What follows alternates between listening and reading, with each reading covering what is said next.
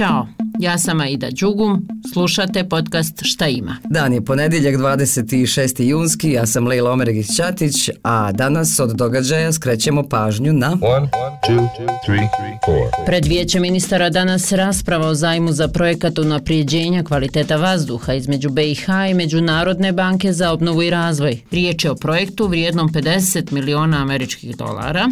Baš me zanima šta to konkretno znači. Ima objašnjenje. Investiralo bi se u četiri kantona, Sarajevskom, Zeničko-Dobojskom, Tuzlanskom i Hercegovačko-Neretvanskom u sektor grijanja, stambenih objekata i saobraćaja, a radi smanjenja zagađenja. Osim toga, dio projekta je i zelena urbana mobilnost i podrška tranziciji saobraćajnog sektora u kantonu Sarajevo. Navodi se kako je dogovoreno sa vlastima oba entiteta da se projekat prvo fokusira na federaciju. Eto, to je naš izbor, a tačaka dnevnog reda je 50, imate na stranici vijeća ministara, pa čitajte. A vidi, zapravo slušaj, i pred delegatima Doma naroda federalnog parlamenta je stavka koja, ukoliko se usvoji i ode u život, može donijeti ekološke i klimatske dobrobiti. Super, o čemu se radi? E, sjećaš se prošle sedmice tema o setu reformskih zakona iz energetskog sektora je bila u planu predstavničkog doma, ali je ta sjednica odgođena. Ali bez obzira na to, danas će o tome biti rasprave u Domu naroda, a zašto je to važno? Evo me kao profesorica.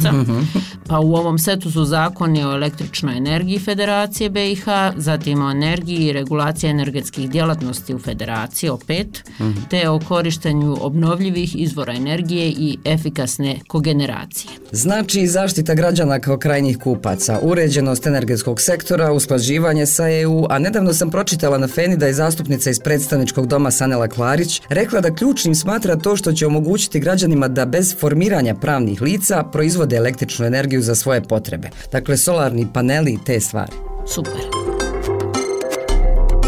A sad jedna također mnogo važna tema o čemu se kao i o mnogome čemu važnom priča samo kad se nešto dešava. Poput obilježavanja svjetskog dana, poput ovog današnjeg, Međunarodnog dana borbe protiv zloupotrebe droge i nezakonite trgovine drogama. Ovogodišnji dan se fokusira na potrebu da se ljudi stave na prvo mjesto ukidanjem stigme i diskriminacije i jačanjem prevencije. A posebno se naglašava rehabilitacija, a ne kažnjavanje i zatvaranje za manje prekršaje. Ipak prevencija kako ne bi dolazilo do većih problema je najvažnija, a upravo time se bavi Udruženje za prevenciju ovisnosti narkone. Da, preventivnim intervencijama i to u skladu sa evropskim i svjetskim standardima. Sa nama je jutros Azra Halilović, stručna saradnica za programe prevencije iz Udruženja Narkone. Ključna stvar zdravlja je prevencija. Da bismo spriječili zloupotrebu konzumiranja različitih substanci, evo poput alkohola, cigareta ili bilo koje i legalne i ilegalne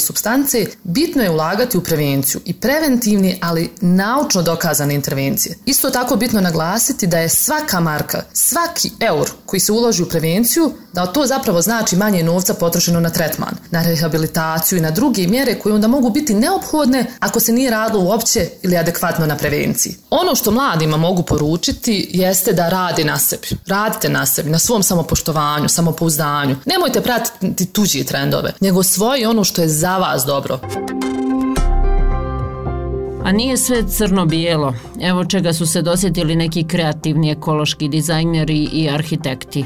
Ima veze s konopljom, a i sa okolišom i uštedom energije. E, da, vidjela sam da brzo postaje tražen održivi građevinski materijal. Kaže na BBC-u, kada se koristi u građevinarstvu, poprima oblik konopljenog betona, čvrstog materijala napravljenog miješanjem konoplje s vezivom napravljenim od vode i vapna. I vlasnica jedne takve kuće u Velikoj Britaniji kaže da ima predivnu akustiku, a da su prošle zime imali isključeno grijanje 24 sata i ostalo je top. A održivi materijali kao što je konoplja u velikoj su potražnji u građevini jer se teži dekarbonizaciji. E sad, e, zgrade i konstrukcija odgovorni su za skoro 40% globalne emisije ugljen dioksida povezane s energijom. Wow. A kad smo već kod energije, kod ljepote, kod toplote, kod raslađivanja, ja bih na. E, dok čekaš more, moja drugarice, i avgust, daleki, hajde s glavom u frižider, možda nađeš i lubenicu. Kad, nego, kad će svjetski dan lubenica, znaš li ti to? u augustu.